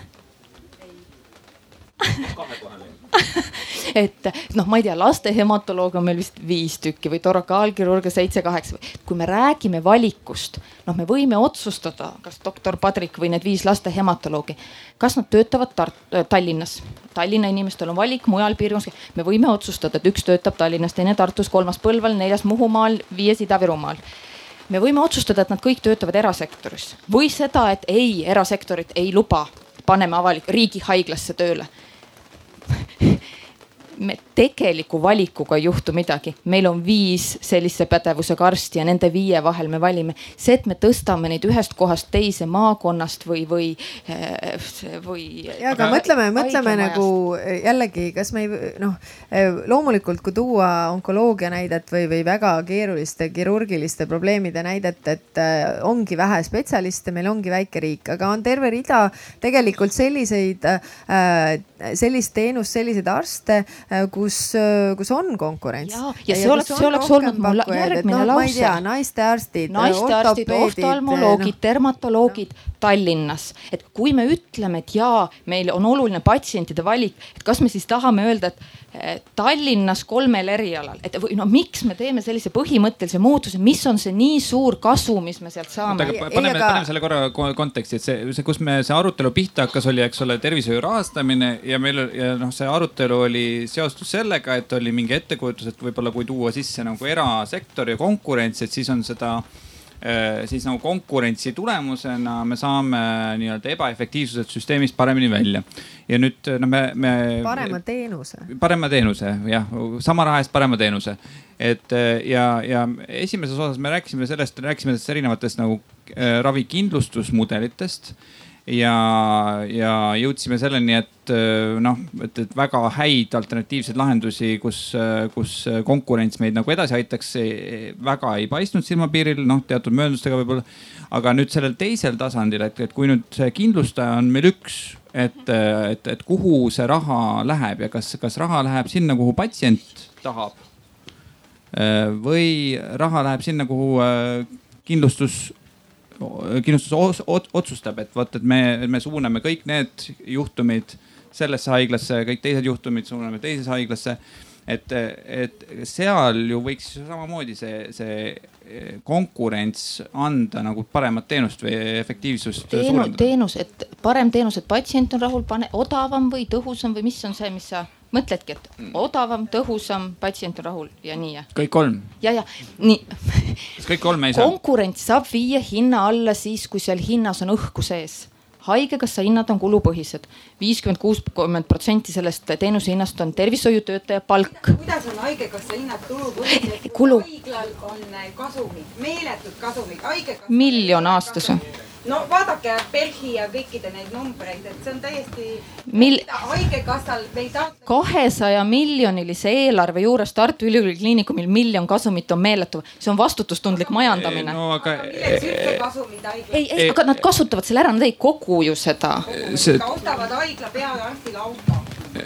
aga ühesõnaga, aga et. ma ütleks vahele ka, et kui see haigla oleks erasektoris siis see, see kasum oleks. ostetakse helikopter. siis, siis see kasum oleks, oleks mitte üks miljon, vaid arvatavasti kümme miljonit, kui mitte kakskümmend miljonit. et see raha läheks omanike taskusse, et see on teine vaata, mudel. ei, aga küsimus on, küsimus on ju selles, vaata jällegi minu meelest ma ei paneks neid kahte asja kokku, et, et äh, jah, okei okay,, meil on mingi haigekassa hinnakiri, meil on nagu mingid asjad nagu välja mõeldud, mis äh, üks asi või teine asi peaks maksma. Äh, nüüd, kui ma lähen seda teenust ostma äh, Lätti siis haigekassa maksab selle teenuse selles ulatuses, mis on kokku lepitud. kui ma lähen selle, äh, selle, seda teenust ostma Eestis arstilt, kes ei ole haigekassaga saanud lepingut, äh, siis haigekassa seda ei maksa. et see on see küsimus, miks iseenesest, miks me ei soodusta seda, et, et ütleme kui meil on äh, ka see, et, et noh, Eesti arstid, et tooks nagu Eesti arstid, eks ole, tagasi Eestisse ja et nad teenust osutaksid ja nii, neil peab olema ka nagu mingi võimalus seda teenust osutada, sest et, et äh, siis ju ei otsusta mina valida parimat arsti, kes, kes mulle meeldib või, või kellega ma saan hästi läbi, vaid ma valin selle, kelle eest haigekassa maksab mulle selle. nii, võtan vahepeal ühe küsimuse siit. ma kuulan teid, kaunid daamid ja mul on tunne, et tegemist on väga heade hooldusõdedega ja mina olengi vist haige, keda hooldatakse. miks me püüame kõiki ühtemoodi ühe süsteemi alla suruda, sundhoolduse alla, kellegi kindlustada? iga inimese enda ülesanne on oma tervist ise kõigepealt kindlustada. ja kui ta läheb käest ära, mul see tervisekene, siis ma otsin selle arsti, keda ma usaldan ja maksan. nii et käriseb või suren. teistele õpetuseks, teistele hirmuks. miks me tahame kõiki ühtemoodi käe kõrval talutada miks me tahame elada nagu varese parv? miks me ei lase kotkastel lennata? nii. olgu vähemalt mõnedki sellised, eks ole. see kaksteist protsenti või viis protsenti. las nad olla, võib-olla nad tahavadki vabalt elada ilma hoolduseta. kui mina olen sundkindlustatud, siis ma omandan teatud raskesti, raskete tagajärgedega mõtlemise. ma harjutan ennast mõttega, et ma võingi haigeks jääda. Pole probleemi, mind kindlustatakse mulle tulevad teie kaunid daamid appi, eks ole, minuga tegeldakse niisama nagu AIDSi haiged. vahel mõtlen kadedusega, et, et peaks ka AIDSi kuidagi saama, hakatakse minuga tegelema. praegu Nii. ma elan üksinda, tulin metsaservas yeah., ma olen pensionär. tänu sellele on mul nüüd haigekassa kindlustus. eluaeg ma pole seda tahtnud. ma olen hirmul selle pärast, et, et mind õpetataksegi haige olema. jah yeah olgu, aga aitäh, me juba, kuna me ja käisime, käisime mööda. et vaat me arutame siin praegu seda, et me oleme hädas selle bürokraatiaga, kuidas seda õiglaselt ikkagi seda raha jagada niimoodi. mida, ma olen sotsioloog, filosoof, Indrek Pauts, ma kirjutasin terve raamatu sundhoolduse vastu, vastu. mida tsentraliseeritum on üks süsteem seda raskemini on jõuda rohujuure tasandile. see võtab lõpuks no anekdootlikud mõõtmed. Ülevalt juhitav süsteem peab ju kontrollima ennast ka. see tähendab seda, et tuleb dubleeriv inimene sinna alla arsti juurde saata ülevalt kes hakkab ma, kontrollima. ma küsin vahepeal, mis, mis, mis küsimus on, et? Äh, miks me, küsimus on, miks me ei taha väljuda selles tsentraliseeritud süsteemist? miks me ei taha seda tasapisi hakata lahti murendama inimesele lähemale mm? aitäh ja inimeste eelistused ongi erinevad, mina näiteks tahan ravikindlustust, ma isegi ei ole pensionär, ikka juba tänan, et, et mul on ikkagi ravikindlustus olemas ja loodan saada arstiabi. Ja täna, kui ma jään haigeks, te solidaarselt katate mu kulud. ma võtan vahepeal veel ühe küsimuse, jah. on kuulda? Tere kõigile, ma teid tunnen, äh, selles mõttes äh, Ain on minu nimi kõigepealt see, millest äh, Kaja Kallas rääkis, see on minu meelest klassikaline edasikindlustus. et äh, ja selle peale põhimõtteliselt võiks mõelda, tõenäoliselt probleem saab siin tekkima selles, kas riik oma riske saab kuhugi mujale kindlustada, aga üldiselt on pigem muidugi Euroopa Liidu sees erakindlustustel natuke lihtsam piiriüleselt asju klaarida, lahendada, kui, kui tohutu kokkulepe Euroopa Liidus kõikide riikide vahel saada, nii et see suund sinna iseenesest mõtteviisina võiks ühel hetkel nagu juhtuda ja kui pihta ei hakka, siis ei jõua kunagi aga mul on äh, Riina, sulle, vaata sa andsid mulle niuksed nagu väga head relvad kätte. ma tean, ma juba hirmuga ootan su küsimust. sest et vaata, kui sa kirjeldasid, et vot, et, et üks protsent kulutab ära viiskümmend, kolmkümmend protsenti ja, ja siis viiskümmend protsenti kulutavad ära üheksakümmend seitse protsenti ja siis kõigile ülejäänutele jätsid sa kolm protsenti. ja nüüd ongi küsimus selles, et aga kuhu jääb siis see ennetuse kasvatamine ja edenduse raha. ehk et kui see mudel ongi meil selline et meil pooled kulutavad ära, sest nad on väga haiged. siis meil just nagu ei jää raha selle ennetuse jaoks ja ennetusega on meil see, see üks häda, et seda ei saa ümber jagada. ühel on südamehaiguse ennetust vaja, teisel on vaja kõhuhaiguse ennetust, kolmandal on selghaige ja nii edasi. ehk seal see ümberjaga, ümberjagamise mehhanism väga kenasti ei toimi. nüüd siin on see koht kus tegelikult noh, see vastandamine, et kas era või, või siis äh, riiklik või solidaarne või mittesolidaarne ei ole väga praktiline, sellepärast et tööandjad täna püüavad ja pingutavad sellepärast, et nad näevad, et põhiline tootmise ressurss jookseb meil kahel jalal ja seda ei jagu, mõned panevad kohvikud kinni, tahaks, kliente on, aga näed, inimesi pole. nii ja nüüd ongi see koht, et see lisaraha toomine tervishoidu, mis siis ei hakkaks konkureerima sellega, et ma tean, et Peetril on vaja raha selleks, et maksta äh, vähiravi eest ja sellega tuleb tegeleda teistmoodi kui nüüd selle ennetuse otsaga. ja vaata sealt kohast hakata neid lahendusi otsima. me Taaviga enne rääkisime ka, Taavi oli päris nõus sellega, et tööandja roll, kus ta näeb vahetult, kellel on, eks ole, vaja inimestele toitu pakkuda, kes pakub mingisugust transporti või sportimise võimalust. et niimoodi mõeldes me saame selle probleemi nagu lahendatavaks. aga kui me jääme nagu pingpongi mängima, eks ole, et, et kas me vaidleme kümme aastat parlamendis, eks ole, et mitu krooni ja mitu senti tuleb maksta mingisuguse maksuga. ja teised ütlevad, ei, ma ikka ei tahaks maksu maksta, ma tahaks ikka ise olla noh, me ei jõua kunagi lahenduseni. täna on tööandjad olemas, anname selle maksusoodustuse vabaks ja meil tuleb tervishoidu raha ja ta ei hakka seda vähiravi lahendama, aga ta hakkab ennetust lahendama.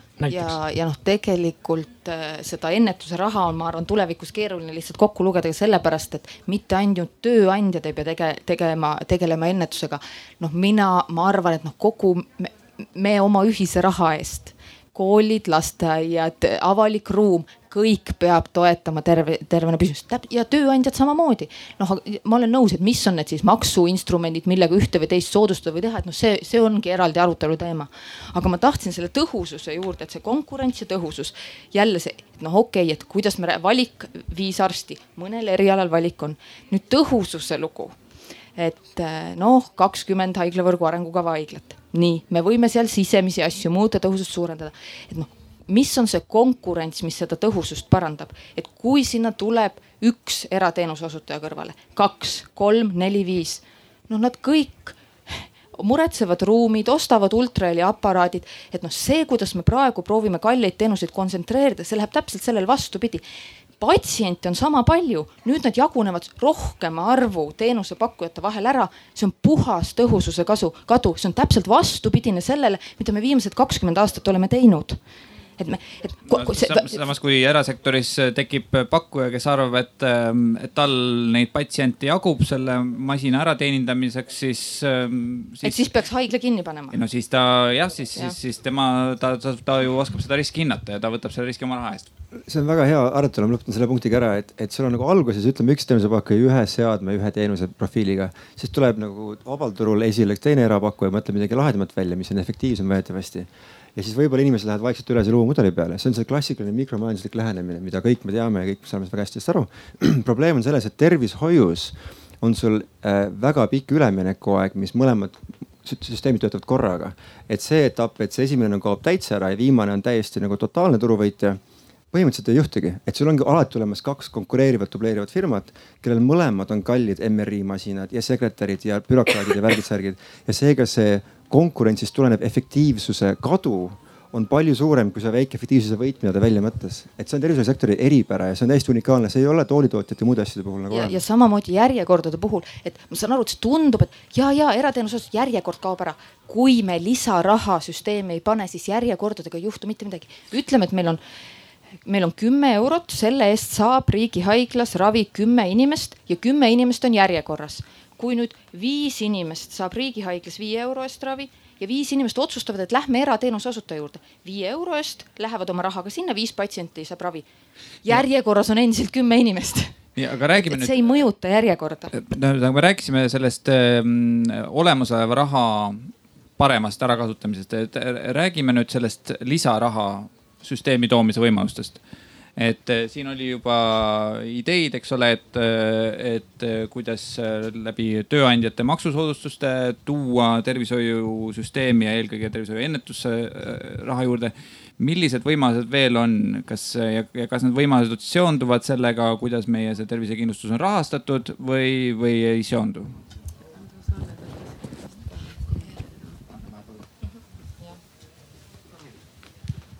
Mul selline küsimus, et neid ähm, selliseid moevoolusid teemal, et, ähm, et hakkame tervishoidu erastama ja siis natsionaliseerime ära ja või teeme for profit või non-profit äh, süsteemi. et äh, need on käinud kuidagi selliste lainetena. noh, Argentiinas peale, peale, eks ole, majanduskriisi jõuti selleni, et, et tuleb non-profit süsteem teha, tähendab et miks see on, see on nagu pikk lugu. ja, ja kui ma meenutan üks kümme aastat tagasi ma seda teemat uurisin täpselt sama mõttega, et, et noh, et kas era on nagu äh, efektiivsem või mitte. ja sattusin huvitavate uuringute peale, ähm, kus siis hinnatakse üks neliteist parameetrit, äh, siis kindlustusfirmade töö kvaliteedi parameetrit. kõik, kõik for profit ehk kasumit taotlevad firmad olid äh, noh, vähemalt protsendipunkti võrra nõrgemad kui siis non-profit ehk kasumit mitte taotlevad ja, ja mõtlesin, et ma vaatan igaks juhuks, et mis, mis siin nagu vahepeal toimunud on, et vaatasin kaks tuhat viisteist uuringud. no täpselt sama, ainult et need vahed on veel suuremad seal osades punktides kümme protsenti ja üle kümne protsendi siis, siis ma lõin arvuti kinni, tähendab, et noh, et, et ei ole mõtet nagu enam edasi otsida. et ähm, kas keegi on nagu proovinud Eestis seda ähm, non-profit ja for-profit äh, siis süsteemi kuidagi mudeldada, et, et mis, mis nagu Eestis välja tuleb, et mina ei näe nagu mingisugust sellist äh, sügav, sügavat mõtet seda süsteemi niimoodi muuta, sellepärast et noh, majandusloogika ise ütleb, et, et kui sa tahad selle kasumi sinna sisse kirjutada ja, ja sul on konkureerivad firmad, neid on noh, ma, ma ei tea, Eesti turule minu arust ei mahu ühtegi nagu sellist väga suurt ja korralikku firmat tegelikult. et, et ja kui, kui neid on kolm, tähendab siis siis äh, kolme, kolme juhatused, kolme raamatupidajad, äh, noh kolme, kolme süsteemi ülesehitajad. noh, et ma, ma ei näe nagu seda, seda tõesti seda efektiivsuse kohta. aga minu küsimus on, kas keegi on proovinud seda vähemalt mudeldada on meil teada, kas keegi on? ma nüüd, ma nüüd ei tea, et kas täpselt samamoodi, aga noh, sellised, et mis oleks eh, noh, erakindlustus, mis see alternatiiv oleks, täiendava erakindlustus, võimalik kuumakse kui katt katta äh, ravimikulud ja sellised asjad, et noh, selliseid asju Eesti jaoks läbi on arvutatud küll. et need noh, internetis on ilmselt need uuringud kättesaadavad, aga noh, et nagu süsteemi tasandil tervikuna seda, et, et kui, kui süsteemis muutuksidki osapooled kõik kasumit taotlevad, et sellist mudelit ei ole tehtud. aga tuleme tagasi korra selle siis selle juurde, et kust lisaraha saada või, või kas on vaja lisaraha ja kui, siis, siis kust seda, kuidas seda süsteemi tuua ja on vaja, lisaraha. on vaja lisaraha, palju on vaja juurde? Oleneb, ega siin ei ole ju sellist asja, et ütleme sada miljonit, nüüd on korras. et me peame kokku lugema, mis me tahame selle raha eest saada, kui suurt kaitset me tahame, kui kalleid ravimeid me selle eest katame. No, no see on olnud üks idee sellele, et, et, et kui oleks erakindlustused, siis äkki saab valida mingisuguseid paremaid pakette, et ma saan valida endale paketi, kus on hambaravi ka sees või kus on füsioteraapia sees või, või nii-öelda parem, parem parem teenus. Ja, aga noh, see noh, põhimõtteliselt on seis ikkagi niimoodi, et noh, need inimesed, kellel võib-olla seda lisakaitset oleks vaja ka praeguste omaosaluse kulude katteks, nad ilmselt ei jaksa seda osta. Need, kes jaksavad seda osta nad jaksavad neid kulusid katta ka igakuiselt oma, oma rahakotist, et neil ei ole seda kindlustust põhimõtteliselt vaja, et, et mis on see võit, mida me pär-, aga noh, täpselt lisandub admin li,, süsteem läheb keeruliseks. mis on see võit, mida me selle eh, täiendava skeemi sissetoomisega saame? aga lisaraha on aga siis eelkõige lis... vaja lihtsalt demograafilistel põhjustel ah,. ei, ei mitte demograaf-, lihtsalt see, et noh, meie tervishoiutööt-, et kui me lisaraha jätkame samamoodi, siis näiteks meie tervishoiutöötajate suhe Eesti keskmisesse palka jääb samasuguseks. aga noh, kui meie tervishoiu, kui me tunneme, et me tahame tervishoiutöötajaid rohkem väärtustada, et me tahame nende palka tõsta kiiremini kui keskmine palk, kohe on kulusurve. meie ootused, meditsiinivõimalused, kõik äh, paranevad, ootused suurenevad, et ma ei näe võimalust et, et noh, minu näiteks minu jaoks, et selline süsteem, mida mina tahaksin, et seda oleks võimalik teha odavamalt või praeguse raha eest, me peame sinna oluliselt raha juurde panema. ja aga äh, kas äh, siiski noh, see, mis äh, Ain Aaviksoo tõi välja tegelikult äh, noh, seesama ennetuse versus ravimise suhe, et äh, tegelikult äh, noh, ütleme, kui sa suudad, noh, me ju teame väga selgelt neid numbreid, et kõige kallim on ju tegelikult see, kui inimene on EMO-s ja, ja siis teda tuleb seal erakorraliselt ravida. see on nagu kõige-kõige kallim. noh, praegu ja, ja me teame ka seda, et täpselt et, et kuuskümmend viis protsenti inimesi, kes jõuavad sinna, tegelikult ei, ei ole erakorraline meditsiin. no nüüd kohe kohe küsimus, et kuidas nad siis sinna ei jõua, et tegelikult noh, seal on ju üks koht, kus tegelikult äh, võiks olla äh, see, kus me nagu lisaraha leiame või noh, ütleme lisaraha on vale öelda, aga noh, see on koht, kus me saame tegelikult seda süsteemi ikkagi paremaks muuta. noh, teine osa on see, et, et seesama ennetus, et, et kui meil on tervemad inimesed, siis nad ei vaja seda arstiabi ja, ja, ja nad ei vaja seda kallist arstiabi, et noh, et see on ju see koht ehk siis nagu, kui me vaatame, kusjuures need on hästi huvitavad numbrid ka, et meil on Eesti on väga väike ja, ja, ja me teame tervena elatud elu äh, numbreid, aga kui me lööme selle nagu lahku ja vaatame siis piirkonniti, siis, siis see on ikkagi väga huvitav pilt, mis meile avaneb. et äh, tegelikult meil on piirkonnad, kus tervena elatud elu äh, aastad, vahe on kakskümmend aastat, et nagu Läänemaal elavad inimesed kõige kauem, mehed just, me räägime meeste elueast eelkõige ja, ja siis meil on Kagu-Eesti, kus tegelikult ja see vahe on kakskümmend aastat, kakskümmend aastat elavad Läänemaal inimesed kauem, kui nad elavad Kagu-Eestis, noh. et tegelikult äh, noh, äh, kuidas me nii väikses hariduse riigis. lõikes on samamoodi väga hariduses suur. ja noh, et meil on nii suured erinevused ja, ja noh, et see, et kuidas me saame tegelikult äh, neid vahesid ka niimoodi vähendada, et noh, seda abi poleks siis selliselt vaja, et et, et noh, seal on nagu jah palju. aga Läänemaale kolimisest ei piisa? ei piisa, sina oled mees, sinult sind palju ei, ei aita. laine loksub, kõik on nagu väga chill ja kohe eluiga läheb nagu üle. ma, ma tahakski natuke naljaga vastata, ma olen nõus, kõige tõhusam on tegeleda ennetusega see ja meie õnn, noh naljaga öeldes on see, et see kõik on tervishoiusektori väline. see, et meil lapsed liiguksid, see, et koolisüsteem toet-, et, et inimesed saaksid hea hariduse, see on see, mis meid hoiab tegelikult terve tervena. Tilman, kas on vaja raha juurde ja kuidas seda tuua? meil on raha vaja hästi palju kiiresti juurde. see on tõsiselt katastroofiline ähm,. isegi kui me tahame leppida selle olemasoleva nagu teenuse pakkumisega. aga kui mina tahaksin pensionipõlve jõudes samasugust teenust nagu praegult minu isa saab siis meil on ka vaja kasutada seda protsenti, mida me paneme tervishoidu iga aasta. Äh, et, et see demograafiline kriis on juba päris suur. kui me tahame siia otsa veel midagi paremat, sama hästi nagu on mujal. mina tahan Euroopas, paremat jah. siis me paneme sinna veel rohkem otsa. et ma hakkasin arutama, kui me tahame jõuda, ütleme ühe põlvega kakskümmend viis aastat tuleviku poole Euroopa Liidu keskmisele järgi. tegelikult see on suhteliselt nagu rahulik ambitsioon, see ei ole nagu mingi oh äge, äge, et see on lihtsalt jõuame ühe põlvega Euroopale järgi onju, täitsa mõistlik eesmärk meil on vaja iga valitsemisperioodi jooksul, nelja aasta jooksul kasutada seda protsenti, mida me oma SKP-st tõstame tervishoidu umbes ühe protsendi SKP-st võrra, et kui praegu me panustame, kas see oli seitse ja kaheksa, keegi kommenteeris. kuus koma seitse, okei seitse ütleme ümarduselt.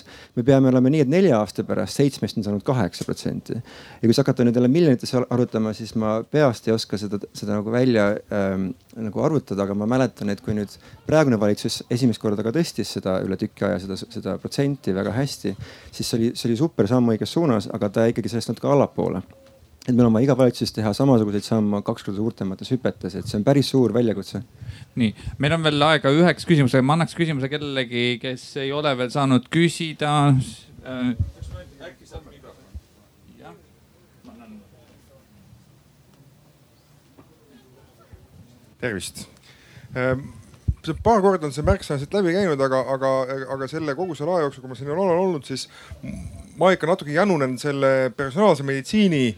mina ütlesin. ütlesid, ütlesid, ütlesid, ütlesid, aga ma ütlen nagu vähe, vähe, et selle, selles kontekstis see teema, teemaring, mis siin praegu on.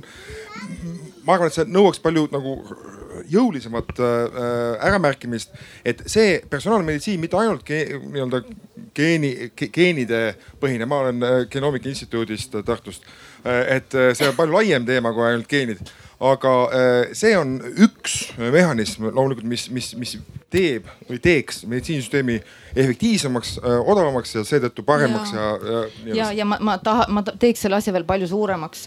see ei aitaks mitte ainult meie meditsiini, meie teadust aitaks, meie majandust aitaks, see mõju oleks meeletu, kui me suudaks nüüd oma entusiasmi personaalmeditsiini taha panna. et ma lihtsalt, ma lihtsalt ütlen teise, et minu jaoks ka oli üllatus, noh kui teised riigid, noh Prantsusmaa, Suurbritannia räägivad personaalmeditsiinist kui kallist vähiravist, et valimi, noh et igaüks saaks enda jaoks efektiivse tõhusa ravi, mis pikendab eluiga kolme kuu võrra. või siis nad räägivad haruldaste haigustega tegelemisest, mis on geneetilised aga noh, see geenivaramu lähenemine, see, et meil on tegelikult personaalne meditsiin, mis puudutab kõiki midagi, minge palun andke oma geeniproov. see seotakse aga... terviseandmetega, tervisekäitumise andmetega, teile antakse personaalset tagasisidet selle, selle kohta, et milline on teie ravimite, eh, erinevate ravimite sobivus teile ja, ja kuidas eh, teil erinevad terviseriskid on geenidega seotud. et noh, selline laiapõhjaline lähenemine noh. ja aga eh, tegelikult ka lähemale, et ma olen sellega absoluutselt nõus, et, et see on nagu üks selline tulevikku vaatav teema, aga, aga tegelikult seda datat või neid andmeid, noh, arstidel on ikka väga-väga palju. ja, ja noh, see, et see e-tervis ju ikkagi ta korralikult ei toimi, aga ta võiks toimida, et see annaks tohutult palju seda äh, nagu ütleme, andmeid, mille pealt saab juba ennustada ja hoida neid ära, et täpselt, et kuulge, et ma ei tea, kümne aasta pärast teie olete selles riskis, et tulge.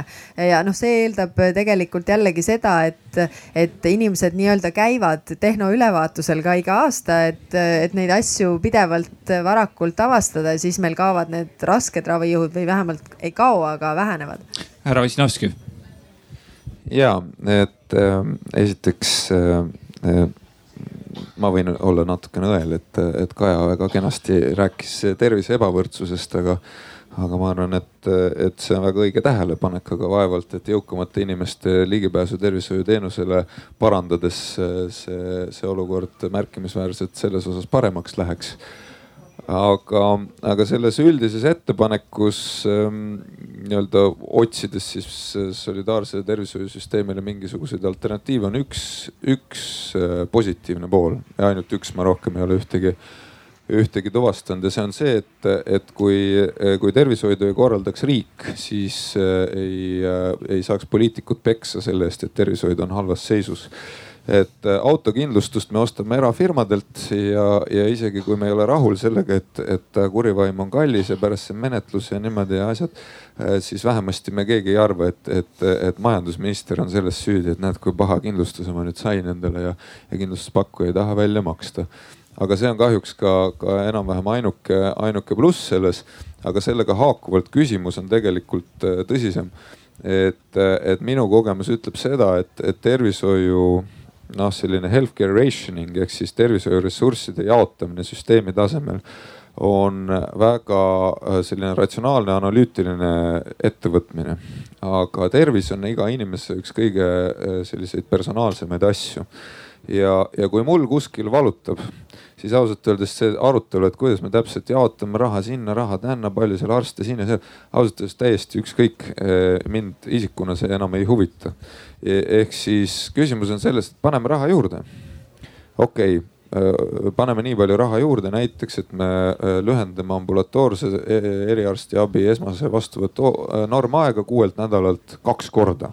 võimas saavutus süsteemile, aga kolm nädalat on ikka liiga pikk ehk siis kuidas sa tegelikult sellest asjast üle saad, et, et, et kindlustuspõhine süsteem äh, oma olemuselt loomulikult eeldab seda, et kui sa maksad sisse, siis sa saad ka vajalikul hetkel tagasi. aga kuna tervis on niivõrd sensitiivne, siis sa tahad seda alati saada kohe. Sa ei saa seda erasüsteemist ka sellisel viisil loomulikult, aga, aga et, et kuidas sa tegelikult müüd äh, noh, müüd selles mõttes ühiskonnale äh, seda ükskõik missugust muutust olukorras, kus äh, äh, me arvestades olukorda ei ole igal juhul rahul selle olukorra, sest see olukord meie jaoks ei ole niikuinii rahuldav, sest me oleme haigeks jäänud. kellelgi on imevõti? E, imevõtit ei ole, ma olen nõus, aga, aga noh, seda, et äh, ravijärjekorrad ära kaoks. noh, ma, Jevgeni teab ka seda, et see ei olegi ju võimalik, et noh tähendab, on võimalik, kui me paneme siia väga palju raha, et me ongi, me siin oleme neli kardioloogi, kes ootavad, et kui nüüd tuleb patsient sisse, et ta ei peaks, et tema ei peaks, et tal ei oleks järjekorda, tuleb minu vastuvõtule. muidugi tulge edasi, teid ma just ootasingi. aga nüüd, kui ühel päeval tuleb viis patsienti korraga, võib-olla isegi rääkisite, et ah, vot mul siit pitsitab ja torgib ja läheb. ai, mul on südamemure täpselt samamoodi hakkas peale, lähme koos tuleb viis inimest korraga, aga meid on neli, üks peab ootama jääma ja see üks on rahulolematu. nüüd me, ainuke lahendus, mida mina näen, on see, et me peame suutma võimalikult hästi valida seda, kellel on seda abi kiiresti vaja kohe ja kes selles ideaalselt töötavas süsteemis peab kolm nädalat ootama. nii et nagu te kuulsite, me seda ideaalset süsteemi täna välja siin ei mõelnud, aga ma tahan tänada doktor Tillmann minister Sikkut, Kaja Kallas, aitäh teile selle arutelu eest, aitäh teile kõigile, et ühinesite meiega selleks aruteluks, meie aeg on kahjuks läbi. kohtume järgmistel debattidel.